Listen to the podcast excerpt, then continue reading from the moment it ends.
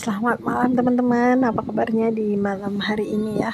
Nah, untuk episode yang kedua ini Kemarin aku udah jelasin tentang apa itu Miss Love. Nah, hari ini aku pengen ngasih tahu sama teman-teman di mana pun berada.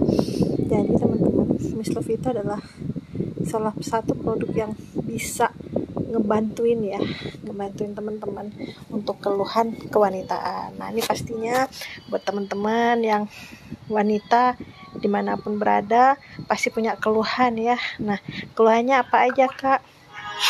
Keluhannya tuh banyak banget kalau perempuan ya. Lebih-lebih apalagi nih keputihan ya. Terus kemudian pH misfinya yang kurang baik. Jadi ternyata Miss Love ini bagus banget buat kamu yang keputihan dan juga bisa mencegah miom dan kista.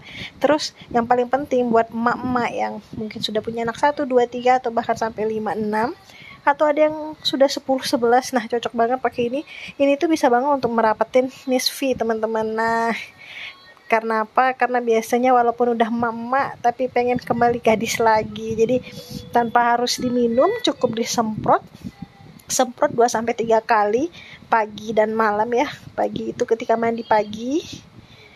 Kemudian kalau malam itu ketika mau tidur dan itu sangat manfaat banget teman-teman ya.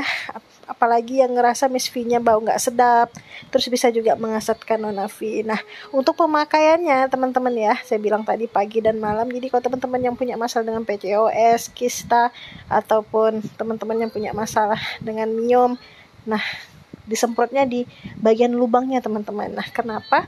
Karena biar lebih bermanfaat aja. Kenapa harus memilih mislop? Karena mislop terbuat dari bahan alami yang sudah diuji oleh para dokter dan bidan.